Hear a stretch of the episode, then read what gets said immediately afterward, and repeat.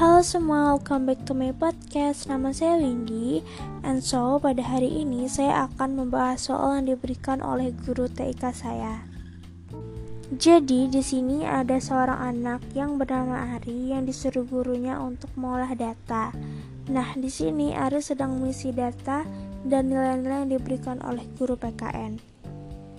Di situ sudah tercantum ya daftar nama siswa dan nilai-nilai yang diperoleh. Jadi ada yang 60, 70, dan 80 juga.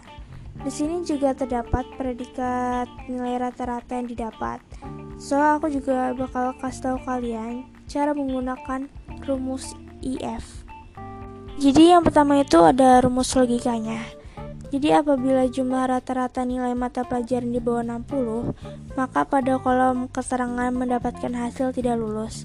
Dan apabila jumlah rata-rata nilai pendapatan mata pelajaran tuh 60 ke atas, maka pada kolom keterangan tuh mendapatkan hasil lulus.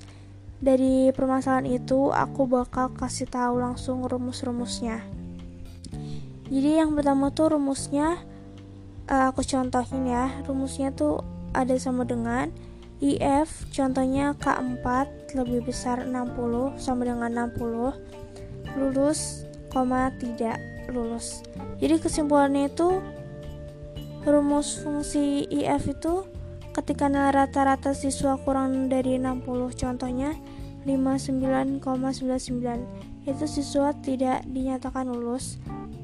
Jadi itu dinyatakan dia lulus dan kalau nilai rata-rata siswa lebih sama dengan 60 contohnya 60,00 maka siswa dinyatakan lulus.